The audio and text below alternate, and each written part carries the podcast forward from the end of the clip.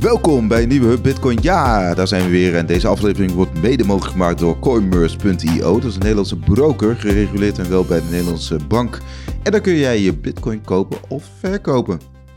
Ja, Robin, was een weekje wel. Je bent nog lekker even een weekend naar Berlijn geweest. Vandaar dat wij ook een dagje later zijn. Ben je een beetje uitgerust? Ik ben uh, uitgerust, voldaan en toch ook wel moe tegelijkertijd. maar ik heb het nieuws van FTX wel aardig zitten volgen, want dat is natuurlijk het hoofdonderwerp van, uh, van vandaag. Ja, zeker. Laten we er uh, gelijk induiken.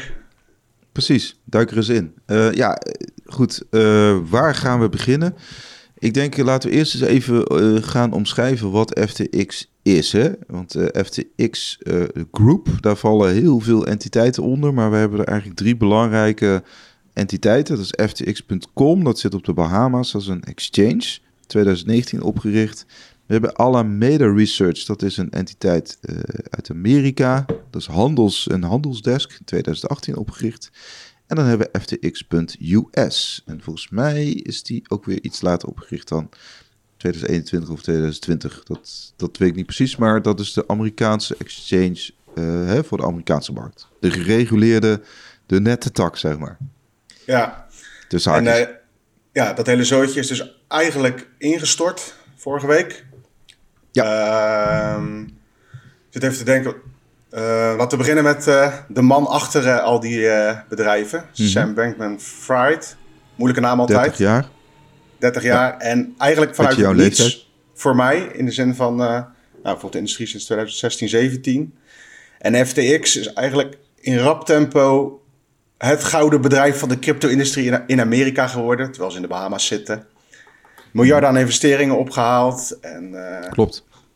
Bekende tv-sterren, advertentie bij de Super Bowl. Zo gek, ik kon niet bedenken. Overal was FTX te zien, bij de Formule 1, op de auto's. Ja, ze hadden sportarena in Miami, hè, de FTX Arena. Je had natuurlijk uh, Tom Brady en Giselle Bündchen die uh, hun naam en die er reclame voor maakten.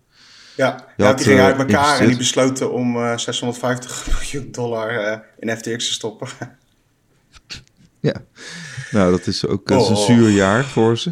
Ja, bizar. En, en ja, je had ook gewoon, want op de duur was FTX.com moet ik zeggen. Ja, die was op de duur 32 miljard waard. Hè?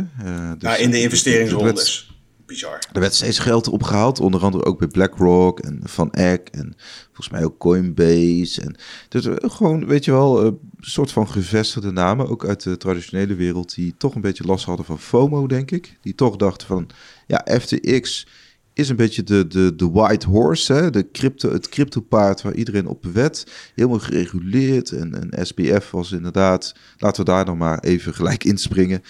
Uh, heel erg uh, nauw met, regel, met de wetgevers en de regelmakers hè, in Washington. Ja, ontwikkelde zich in rap tempo tot een groot lobbyclubje natuurlijk. Ja. Hè, en hij was ook eigenlijk degene die bijvoorbeeld ook richtlijnen opstelde namens de crypto-industrie. En dus echt, een, hij ging zich ontpoppen als een spokesperson, woordvoerder namens die crypto-industrie. Ja. Maar er kwamen ook wel weer barstjes in dat... Kun je ja, dat alle... interview nog... Mm -hmm. Ja. Allereerst zat hij natuurlijk gewoon zelf met zijn FTX op de Bahama's. In een of andere Uber villa. Die staat trouwens te koop. Zag ik. Zag er mooi uit. Maar... Okay. Uh, ah, ja, ja, Hoeveel FTX-tokens? Ja, nou, precies, FTX-tokens. Daar komen we zo meteen op. Vanuit de Bahama's kan je natuurlijk andere dingen doen met tokens en allerlei andere dingen dan als je eventueel in New York zou zitten en zo.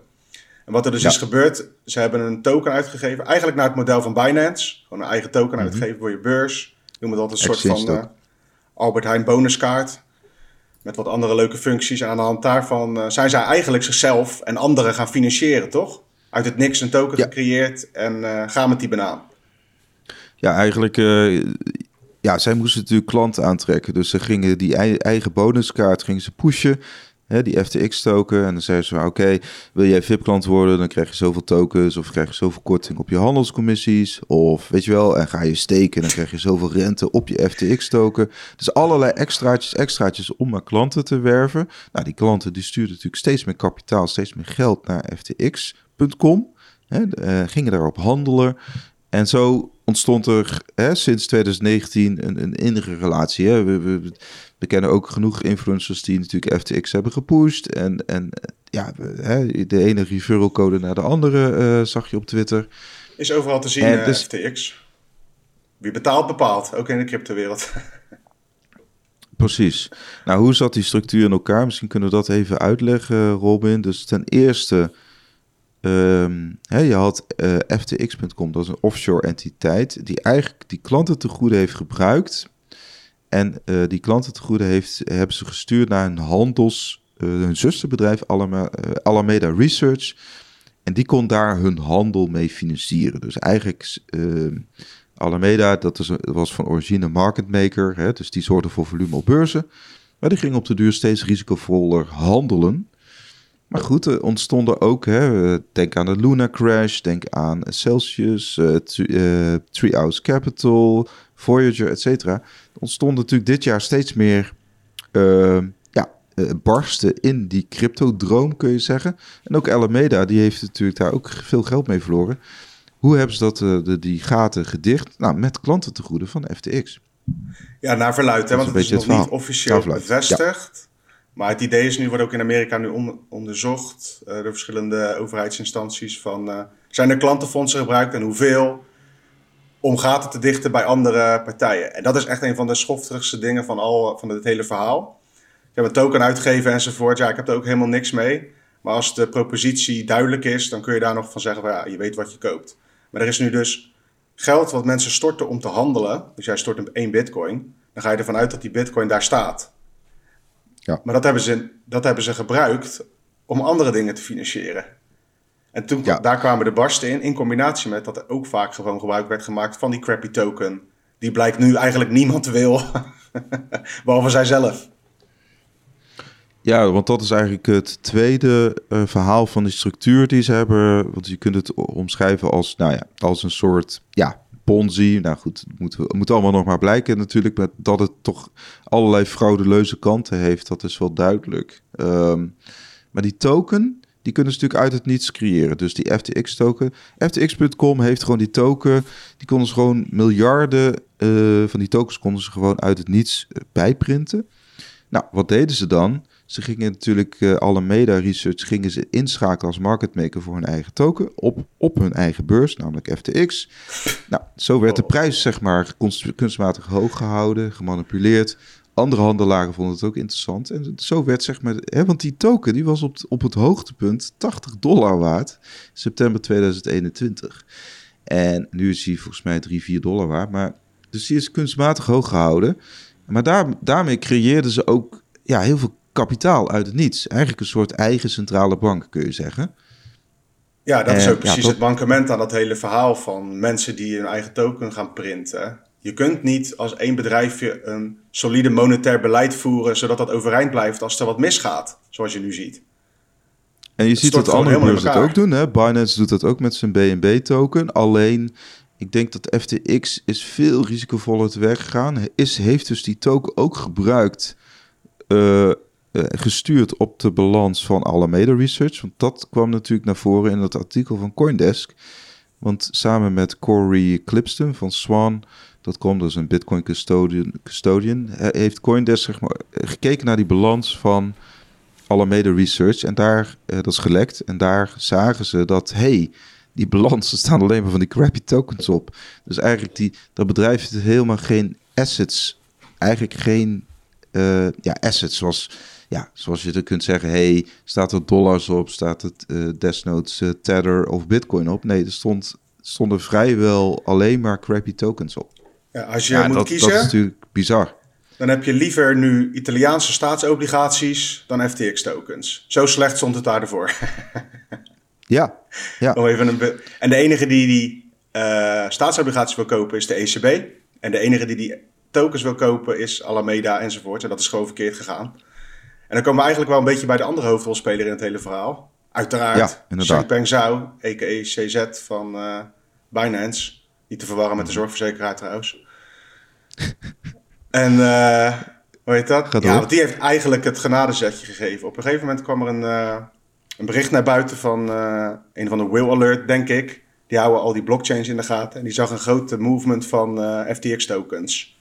Dat bleek dus te gaan om 2, of nee, moet ik het goed zeggen, miljard ongeveer aan FTX tokens die nou, Binance... 600 miljoen. Oh, 600, miljoen.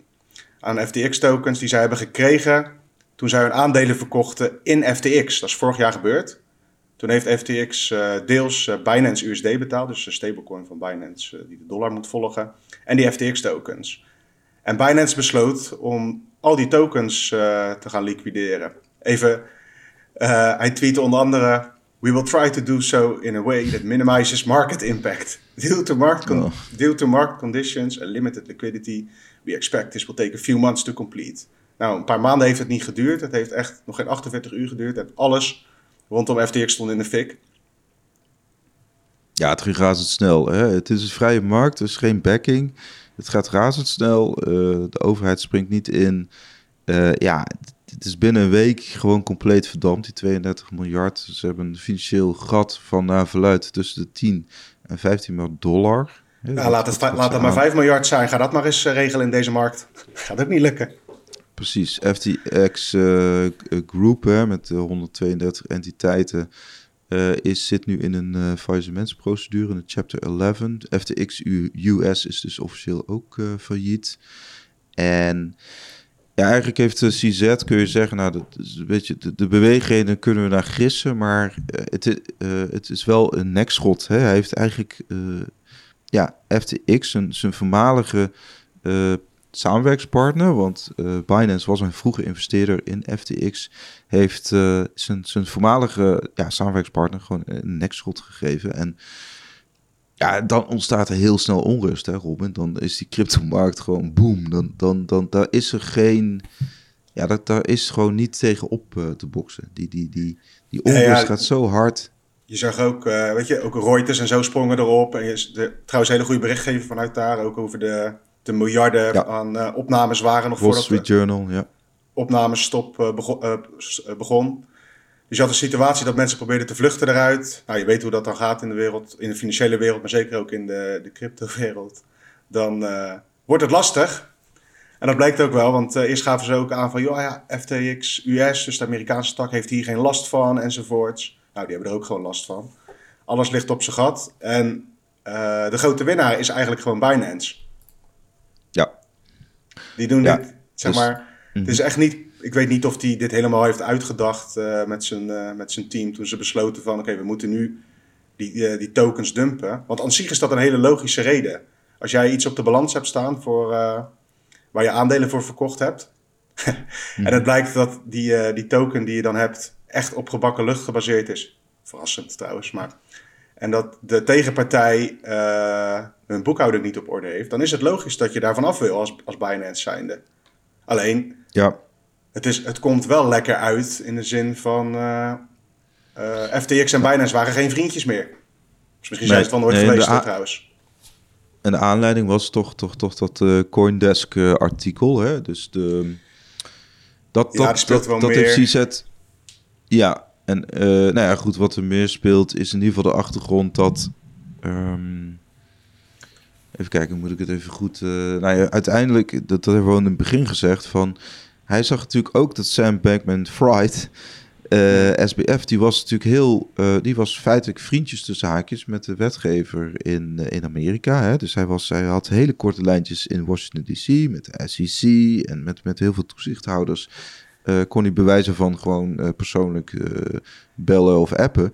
Maar CZ, CZ niet. Hè? Dus die, want die wordt nog steeds volgens, hè, die wordt, ja, even, het is natuurlijk uiteindelijk, hij is in China geboren en het is nog steeds, goed, volgens sommigen, ook vanuit Amerikaanse ogen gezien, is het nog steeds onduidelijk van hoe zit die backing dan in elkaar. Maar goed, het is een heel ander verhaal. Maar ehm, ja, Terwijl Binance wil heel graag met Binance US natuurlijk ook uh, vaste voet uh, krijgen in Amerika. Ja, maar laten we niet, uh, zeg maar, CZ, nee. CG is echt, zeg maar, de beste spindokter in heel de industrie. Die kan alles zo draaien dat het allemaal lijkt alsof, ja, doet het allemaal voor de good of the people zogenaamd. Maar dat hele FTX-model is eigenlijk wat Binance succesvol heeft gedaan. Alleen nu is Binance mhm. op FTX afgegaan en gezegd van oké, je gaat nu met je billen bloot, kijk maar of het volhoudt. Nou, dat is niet gelukt. Ja, dan zie je dat eigenlijk dat kaartenhuis heel snel in elkaar dondert. Je, de, er was een tweet van SBF waarin hij gewoon aangeeft van... Uh, er is niks aan de hand, assets are fine. Hij heeft die tweet later verwijderd, hè, omdat ja, de assets waren niet fine. En ik vond wel een goede analyse van Lynn Alden bij uh, Peter McCormack. Zij zei ook van ja, in een tijd waar gewoon de hype er is, hè, we hebben het over eind 2020 de, de, geld is goedkoop, uh, de hype was er, de cryptokoersen waren hoog, weet je wel. Bitcoin was op de duur ook bijna 70.000 dollar.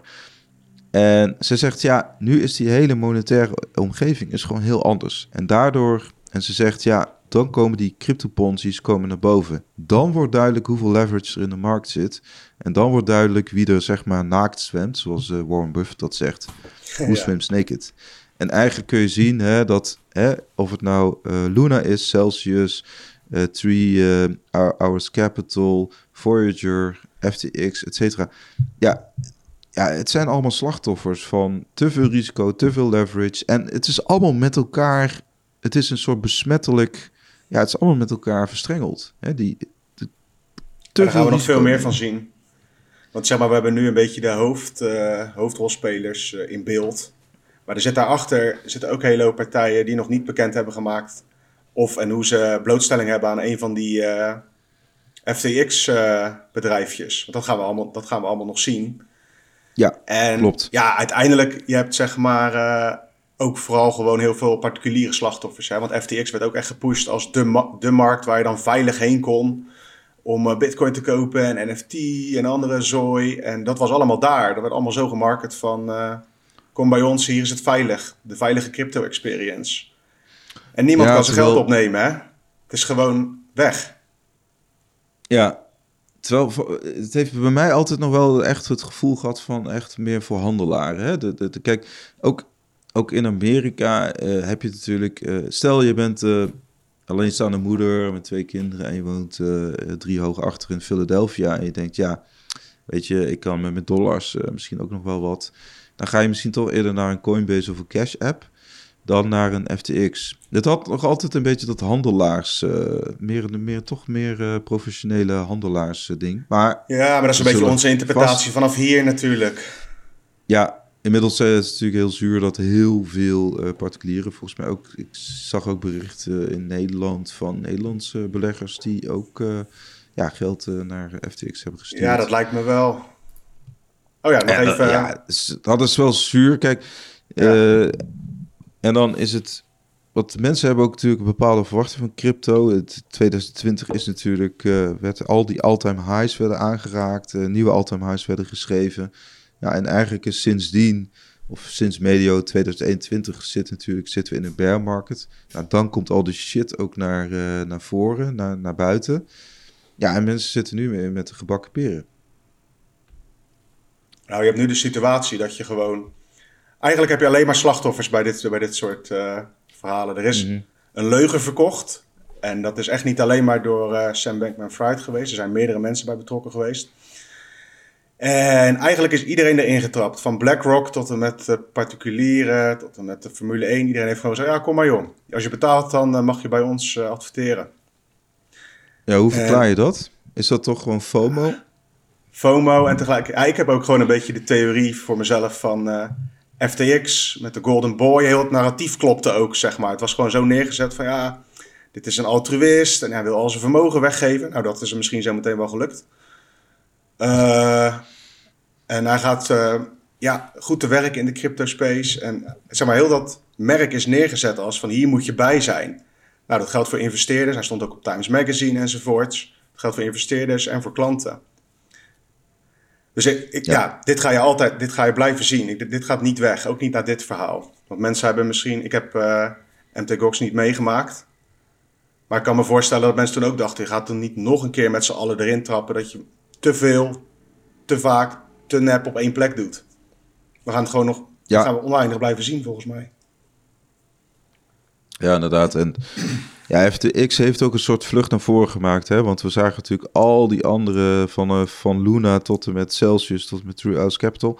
En wie Ja. stond er als, als eh, wie stond er klaar hè, met, met, met, de- met de reddingsboei? Dat was eh, FTX. Hè, Maar dus, waarmee eh, zijn ze gered? Waarmee hebben zij die, die platformen gered? Is dat dan is dat daar misgegaan, zeg maar? Dat ze toen die FTT FTX, FTX token hebben gebruikt voor allerlei dingen. ja, Dat zou Ja, kunnen. dat is gewoon zelf, zelf gecreëerd kapitaal. Hè? Want het wordt gewoon gelist op je eigen beurs tegen die notering. En ja, het is gewoon een oneindige geldprinter die je aanzwengelt. Als het gewoon... Ja. Dat is... Moet je je voorstellen, Wessel. eh, net zoals de Federal Reserve. Alleen ja, goed, je kunt zeggen, oké, de dollar is eh 1 dollar. En, eh, ja, die hebben nog wel iets van een soort van legertje of zo... waar ze een en ander mee kunnen beschermen, heb ik het idee.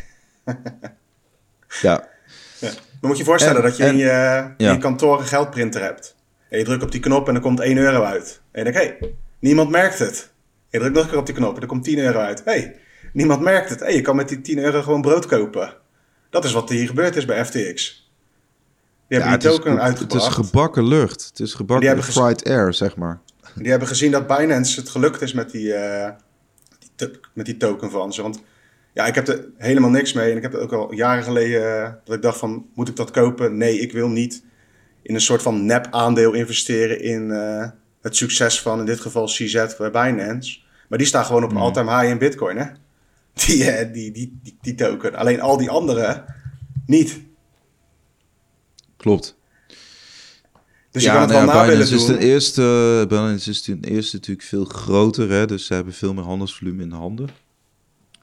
Ja. Dus de, het, het, eh, FTX was wereldwijd de derde beurs en eh, eh, Binance is gewoon eigenlijk de, de monopolist. En, Ik kijk, zit er ook niet om te juichen.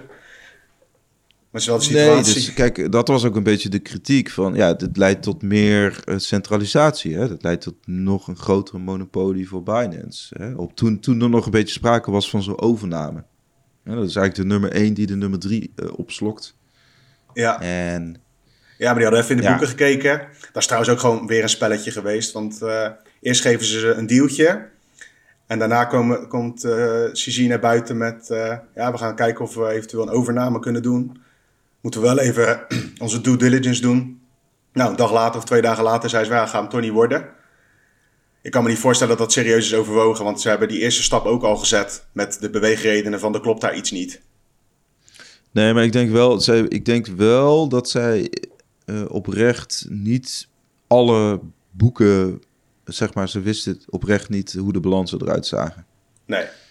Tot, tot het moment dat, dat SBF eh, zei van ja, eh, kun je me helpen alsjeblieft.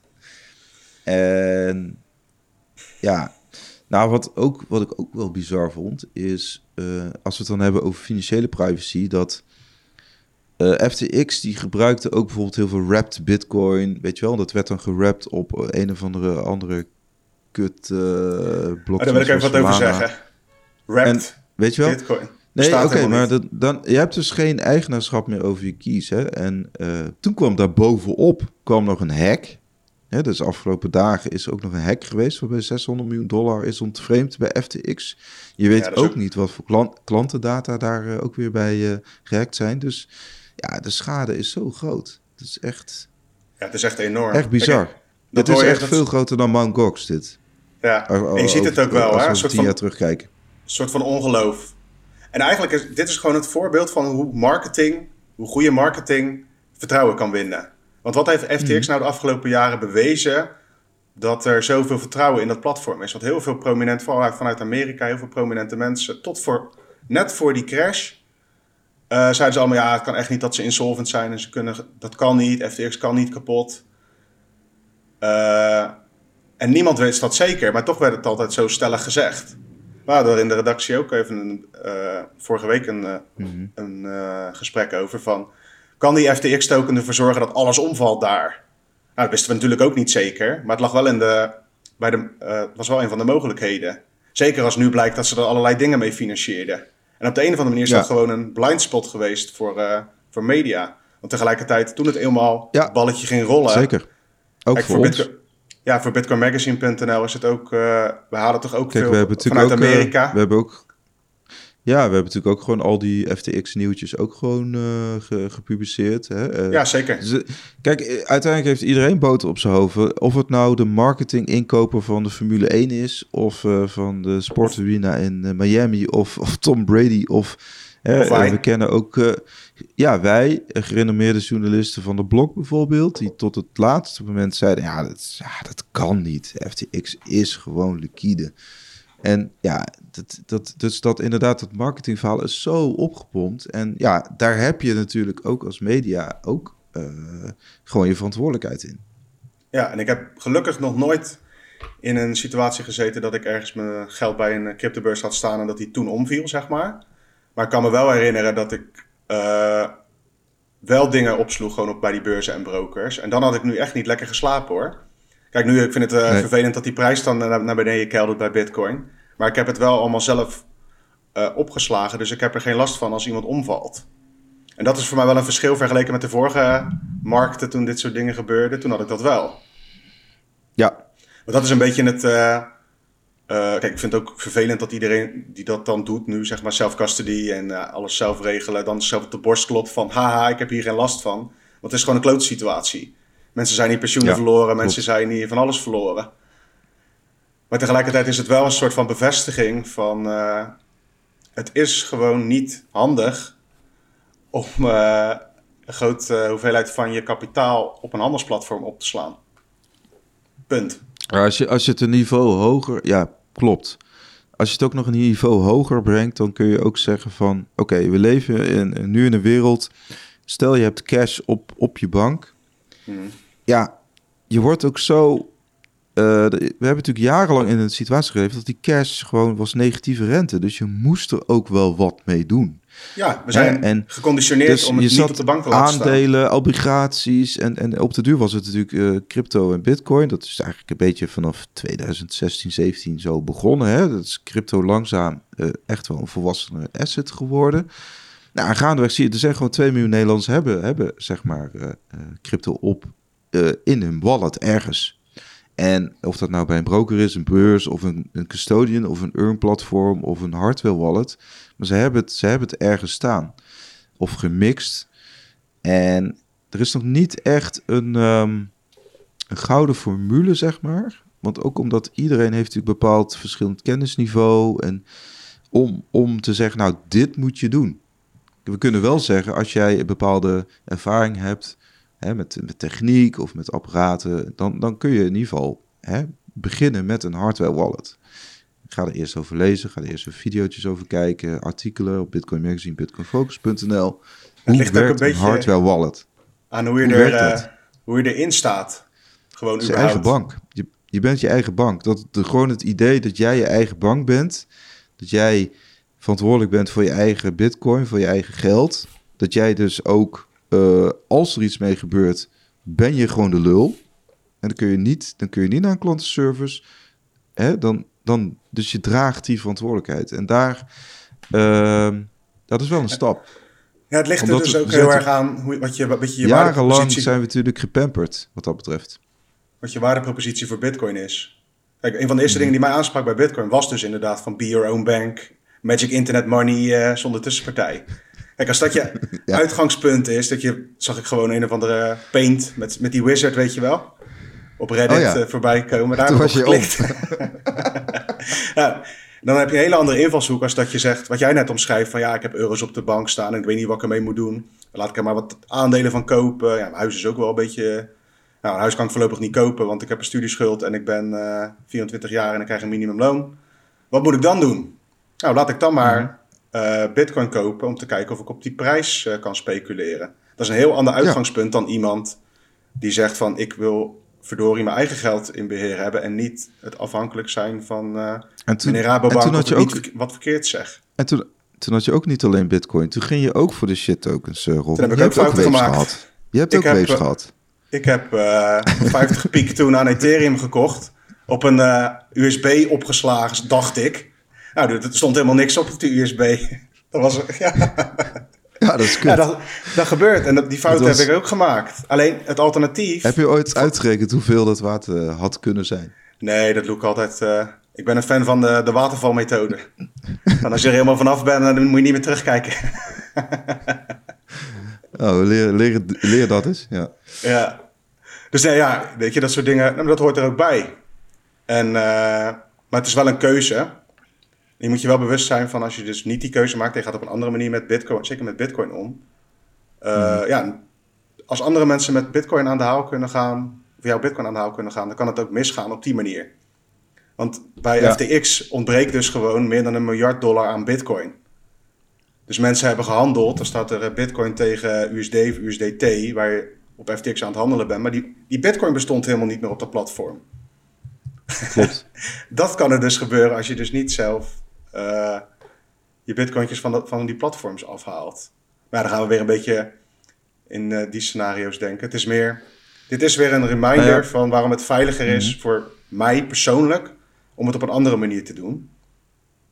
Alleen ik kan me ook voorstellen dat voor heel veel mensen geen optie is. Maar misschien is het dan ook nog niet de tijd om ervoor te gaan. Misschien moet je eerst even lezen wat een private key is en waar Bitcoin wordt opgeslagen. Want het wordt niet op een hardware wallet opgeslagen natuurlijk. Dat is alleen een interface om ermee te communiceren.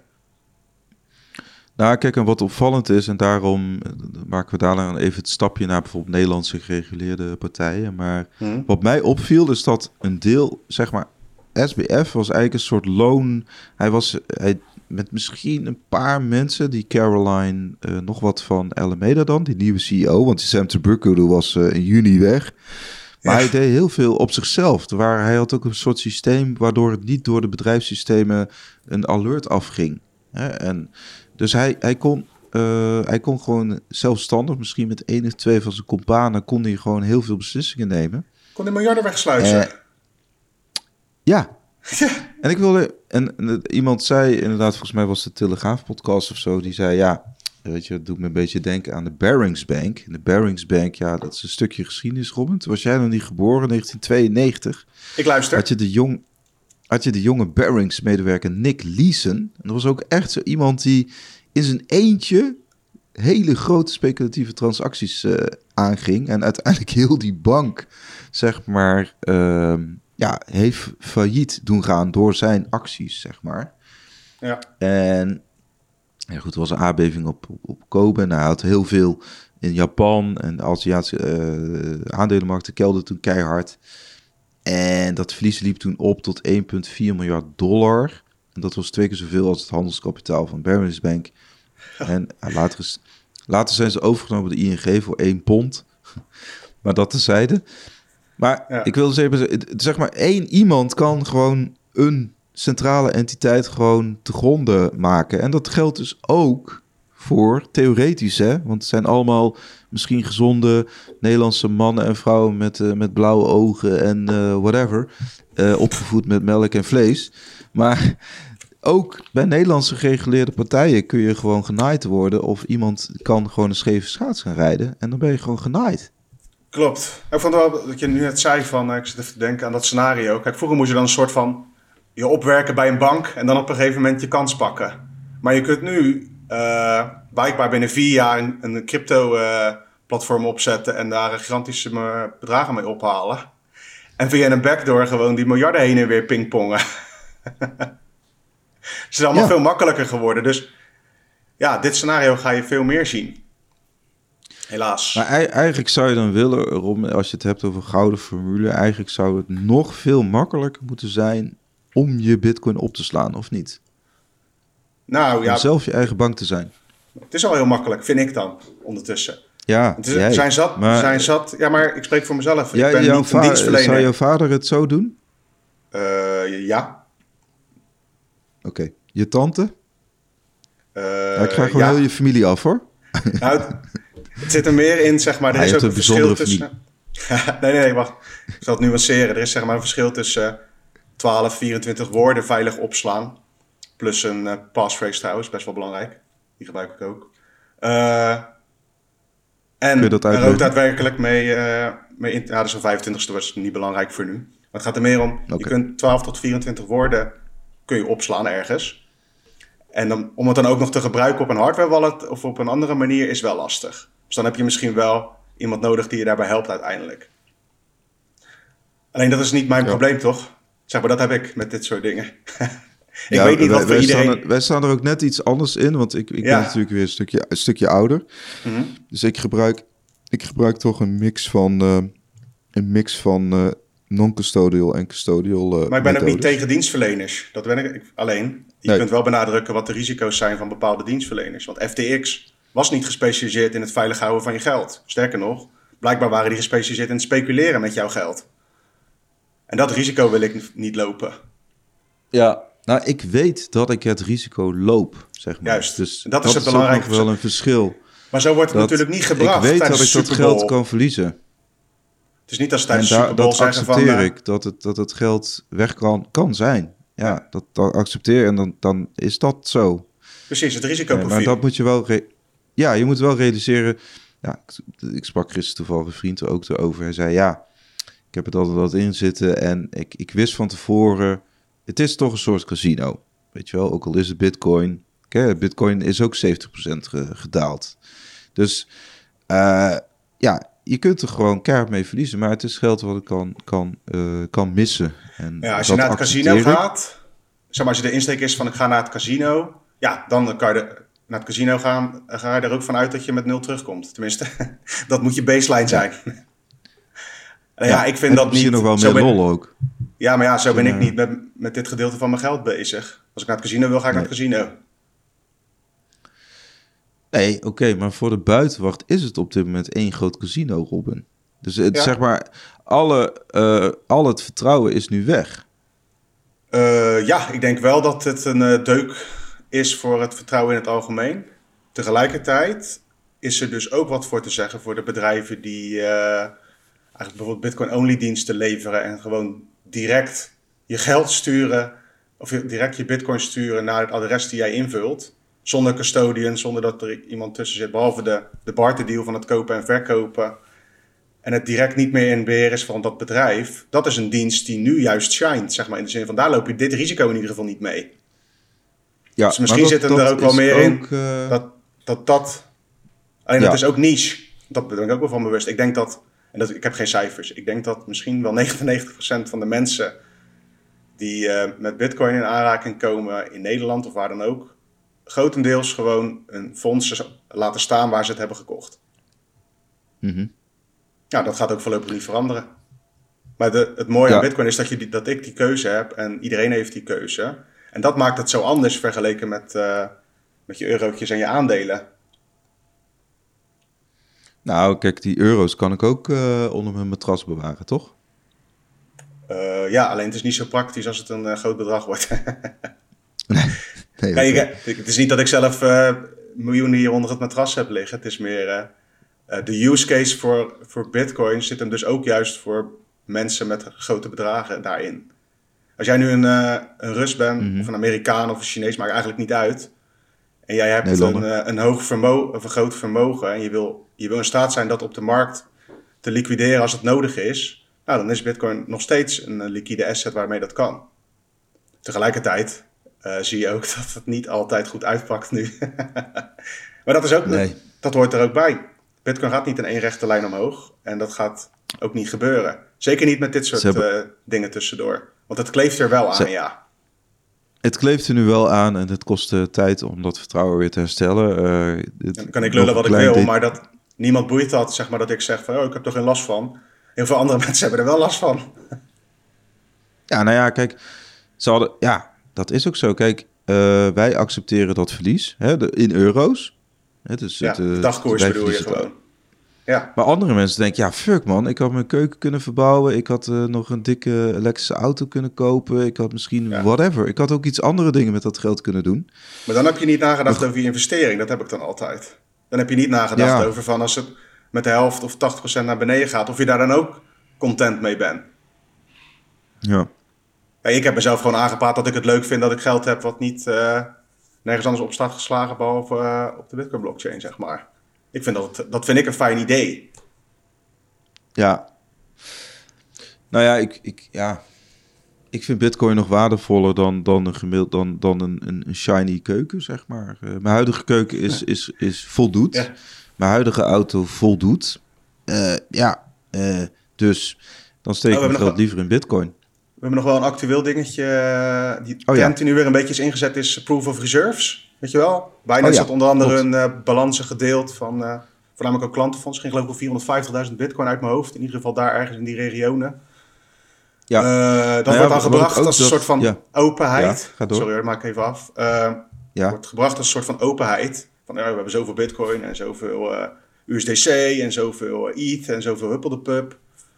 Eh, maar dat, eigenlijk zegt dat dan ook natuurlijk niks. Want als FTX dat had gedaan, dan hadden we nog steeds niet al die, al die leningen en andere financiële constructies in die proof of reserves gezien.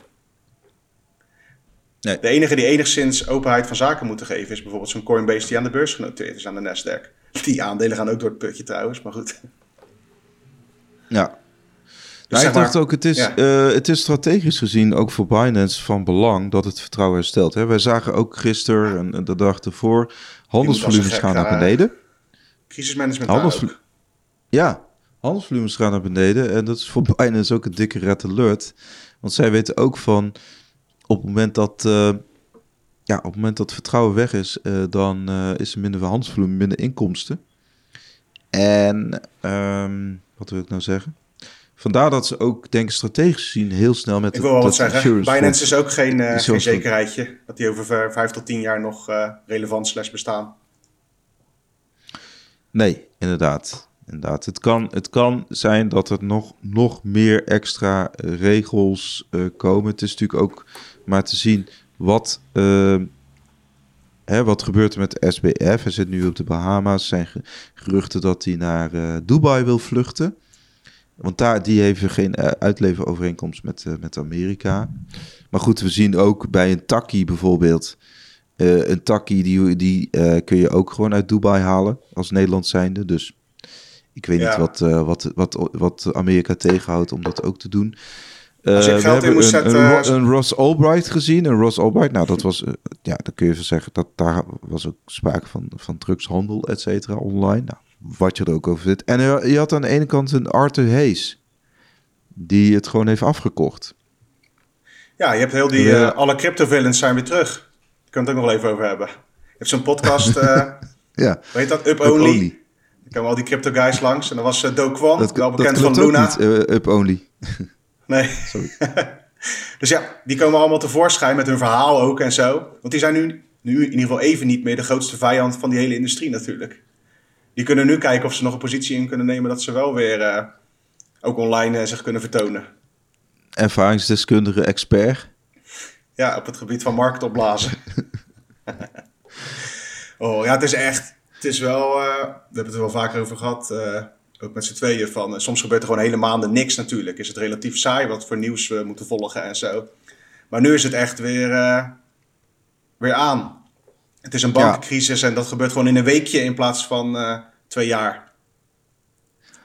Ja, maar de, de cryptomarkt kan dan ook weer heel snel herstellen. Hè? Vergis je niet dat... dan wil ik niet te veel hopium eh, hiermee Nee. inpompen. Maar Geen beleggingsadvies. de, de huidige prijslevels zijn inderdaad voor best wel wat partijen denk ik wel toch wel interessant. Maar goed, het het is geen financieel advies. Maar... En ik had ook verwacht dat hij wel lager zou eh, aantikken. Maar goed. Ja, maar de Kijk, shit is en- nog niet voorbij. Zeg maar de blootstelling. Nee, maar ook in de normale wereld is die shit niet voorbij. Ik lees nu toevallig bij de Telegraaf. De spaarrente voor het eerst in zes jaar terug op 1%. Ja, daar hoor je Ja. niet echt eh, opgewonden van. Nee, klopt. Ja, dat is- Nee, wat dat betreft, eh, ja, de omgeving voor Bitcoin is gewoon ook eh, als pitch is gewoon lastig nu. En dat is ook logisch, want zeg maar, eh, daar was jij wel van, dat jij ook zei van ja, Bitcoin, die Bitcoin-koers profiteert nu ook gewoon van die lage rentes. En ik had altijd zoiets van ja, ja, dat is wel zo, maar het is wel gewoon, het heeft wel waarde, dus ik snap dat die, dat die koers omhoog gaat. Maar nu zie je gewoon als die liquiditeit opdroogt aan de kant van ja, hoeveel geld je kunt lenen als hele wereld, dat Bitcoin daar ook gewoon heel veel last van heeft. ja, dat zei die Duitse commentator, die Holger met zijn moeilijke achternaam eh, uit eh, Berlijn inderdaad. Die zei dat ook. Dat, dat, dat, Bitcoin is op dit moment nog niet echt een, eh, een, een, wapen tegen inflatie. Ja, dat Nou, het is geen, wel, eh, eh, Kijk, je hebt dus een groep gekkies, waar ik zelf ook toe behoor, die denkt van, nou, ik vind het op zich wel prima, heb ik nog wat extra tijd. Ook omdat ik gewoon een salaris heb in euro's. Ook nog wat extra tijd om wat bitcoin te sparen. Maar ja, ik be- besef me ook wel dat dat sentiment eigenlijk ook een soort van, uh, ja, hoe heet dat? Een soort van copingmechanisme is van, uh, ik sta op papier in de min bij wijze van spreken en uh, ik, ga er, ik ga maar gewoon door. Je hebt ook mensen die gewoon alleen maar die eurobalans zien en denken, verdomme, ik heb 50% minder dan zes maanden geleden. en ik zie dat niet zo. Nee, ik ook niet. Kijk, uh, zeg maar, bitcoin is bitcoin en euro's zijn euro's. En, maar dat is voor ons ook nieuw, hè? Dat is eigenlijk pas sinds deze cyclus als het ware. Want daarvoor zaten wij ook gewoon in de eurostress. Maar het is inderdaad ook...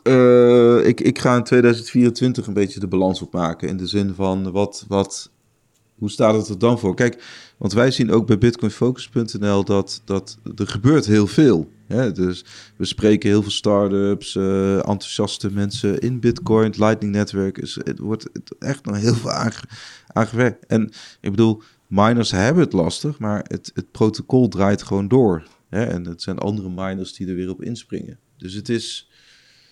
Daar gaan ook nog klappen ja, van trouwens. Het is voor het protocol geen red alert, maar wel voor de, voor de markt. Ja, de markt ja voor het sentiment wel, eromheen. Ja, ja. klopt. Nee, maar dat is, het, dat is het gekke aan. We hebben nu een aflevering echt gewijd aan uh, FTX. Maar op Bitcoin gebied zelf gebeurt inderdaad genoeg. Er wordt van alles gebouwd en geprobeerd en gedaan. En daar gaat ook een hele hoop van falen. Niemand wil het nu horen. Nee, maar dat is ook niet wat nu top of mind is. Kijk, als niemand Bitcoin wil het horen, uh, de, de, de, aantal blokken wat, uh, nee. wat er nu uh, gemined wordt. En we zien dat bijvoorbeeld aan, als we het Lightning Network behandelen op bitcoinmagazine.nl bijvoorbeeld. Nou, er wordt niet veel gelezen nu. Maar toen in die hype van dat die koersen naar all-time high schoten. Toen vonden mensen het wel interessant om te lezen, omdat het op dat moment dan top of mind is van ontwikkeling op Bitcoin. Iedereen blij, weet je wel, zo, we gaan echt de goede kant op. En dat sentiment draait om en andere onderwerpen worden interessant. En wat nu hebben we het eigenlijk over, uh, ja, gewoon een scammer die op de Bahama's flink wat geld heeft verdiend en nu tegen de lamp loopt. Terwijl er gebeurt inderdaad ook genoeg interessants op, op Bitcoin. Ja, en ik weet niet hoe het met jou zit, maar als, als het gewoon goed gaat en, en, en, en, en, en de space groeit en, en, en er zijn allemaal leuke positieve dingen bezig, dan hoor je niemand. Maar als het gewoon de shit ja, hits de fan en dan, dan is het ineens van ja, het gaat wel slecht hè. Met, uh, ja, maar je hoort niemand is natuurlijk niet waar, want je hebt ook gewoon een groep schreeuwers uh, die gewoon dit al heel lang roepen. Dat ik wil in mijn omgeving. Kon kloppen. Ja. ja, precies. Nee, want je hebt nu, wat, wat ik dan uh, als je het daarover hebt. En ja, wij zijn zelf ook onderdeel van de media en wij doen dat ook niet. Maar zo'n Reuters, het allervetste zou zijn, wat Coindesk dus gedaan heeft, dat die eigenlijk voordat dit gebeurde al begonnen met het verslag van hey, hier zit iets mis. Ja. En die kritische blik is bij FTX ook door de investeerders in ieder geval niet uh, genoeg, ja, hoe moet ik dat zeggen? Geen, niet genoeg kritisch bekeken, blijkbaar. Ja. Of, of het was gewoon niet te zien. Want wat wel naar buiten komt is inderdaad dat die uh, SBF gewoon wandelpaadjes had waar eigenlijk niemand van wist voor die miljarden. Echt bizar. Nou, wat in ieder geval wel, uh, en, en dit, het, het, kan zijn dat de onrust ook nog even gaande blijft. Hè, want iemand als ja. Corey Clipstein, Clipstein, die is in ieder geval, die zit heel erg op die, op die crypto scams. Hè, dat is echt zijn, zijn paradepaadje. Ja. Hij is zelf een Bitcoin uh, maxi. Uh, nou, wij, wij omschrijven onszelf ook als Bitcoin Maxi. Oh, oh want, jij? Ja. Ik doe niet mee aan dit woord, hè? Oh, jij doet er niet aan mee? Nee, nee, nee. Jij bent... Hokje, uh, ben hokjes denken moet je niet doen, hè? Ik ben Robin gewoon. oh, ik ben Robin gewoon. Noted. Ik ben, ik ben mezelf. Goeie, goeie kop. Goeie kop voor deze ja. podcast. Uh, dus dat... Uh, wat ik wil zeggen is, uh, er wordt nu geroepen crypto.com. Hè? Dat is ook uh, nexo.com. Weet je, dus ik wil, hè, hoe zit het met Ledger, inderdaad? Hè, dus hoe ja, gaan die juist keihard, omdat iedereen nu een hardware wallet wil of, of, of, of nee. niet? Dus... Nee, geloof ik niks van. Oké, okay, nou ja, goed. Je zag dus, wel nou, een, dit... een uitstroom van... Oh, nou, Trezor wel. Trezor reports 300% surge in sales revenue due to dus dat gaat wel hard. En 300% sinds wanneer? sinds vorige week. Ja, precies. Nou, dat is toch niet... Ja. Kijk, als het, als het 300% was van uh, rond de all-time high prijzen... dan uh, zou je daar misschien wat in kunnen zien. ja, nou ja, goed. Ja, ik verwacht dus eerder juist een soort van... Uh, dat er veel minder interesse gewoon weer is. En ik denk ook dat FTX, uh, mijn, we hadden het eerder over hoe mijn vader Bitcoin op zou slaan. Mijn vader weet niet wat FTX is hoor. Nee, dus die, hebben hier geen last van. Welke voetbalclub is dat? Ja, precies. Die denkt, uh, oh, bit, die, wat hij zegt is, het gaat niet zo goed met de Bitcoin-koers, hè? Dat is wat hij zegt. Die weet niet hoe dat, waar dat vandaan komt en zo. Had maar dus misschien eurotjes gespaard, niet in Bitcoin. Misschien is dit vooral een wake-up call voor de industrie als geheel, in plaats van echt naar de buitenwereld toe in de rest van de wereld. Of zo. Maar misschien onderschat ik dan heel erg de impact in, uh, in Amerika bijvoorbeeld, uh, met dit FTX gebeuren.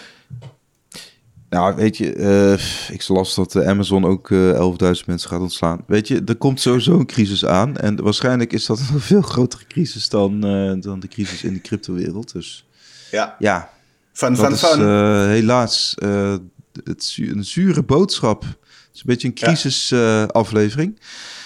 Ja. Maar goed, voor het laatste crisisnieuws ga je naar bitcoinmagazine.nl. oh, jij, wil, ja, voor... jij wilde nog wat zeggen? Uh, nou ja, in meer in de zin van uh, dat er dus ook genoeg leuks op uh, het gebied van Bitcoin gebeurt. Met name op bitcoinfocus.nl, de nieuwsbrief voor Bitcoin Nederland, duiken we daar ook in. Arnold had, komt vandaag met een artikel. Waar gaat het ook weer over? Over Peach. Peach, dat is een peer-to-peer Bitcoin platform. Dus eigenlijk via een escrow kun je Bitcoin aan en verkopen. Ja. Zonder dat, weer, dat je je KYC, je, al je dierbare identiteit hoeft weg te geven. Zitten ook weer uh, haken en ogen aan natuurlijk. Maar dat is nou zo'n initiatief wat ik bedoel met... Misschien uh, komt dat wel weer meer op gang, zeg maar. Dat het duidelijk is dat het ook wel lekker is als je wel peer-to-peer kunt kopen. Alleen, ik ben heel erg bang dat daar ook weer uh, allerlei mensen voor worden gepakt... als je voor te veel hebt verkocht en te weinig hebt betaald. Dat ik dan voor gekkigheid. Want het is natuurlijk een kwestie van tijd voordat iemand daar voor een groot bedrag verkoopt. En dat dat dan niet mag omdat hij geen licentie had in welk land dan ook. maar dat terzijde. Ja. Dat lees je dus op bitcoinfocus.nl. Uh, ja. Vergeet Hut Bitcoin, de podcast die je nu luistert, niet te volgen, te liken en te reviewen op het platform waar je, waar je luistert. En mocht je bijvoorbeeld op Fountain zitten of op uh, Breeze, dan uh, kun je natuurlijk ook zat streamen. Ja, heel geil. Lekker kan, zat streamen. Het, het kan allemaal. Uh, nou, thanks voor het luisteren en hou je taai. Ik hoop dat er weinig andere bedrijven omvallen met klantenfondsen. Maar tegelijkertijd, ik ben bang dat er nog wel meer uh, raar nieuws naar buiten komt van uh, met name rente- en spaarplatformen. Maar dat gaan we zien. Oké, okay, laters. Later.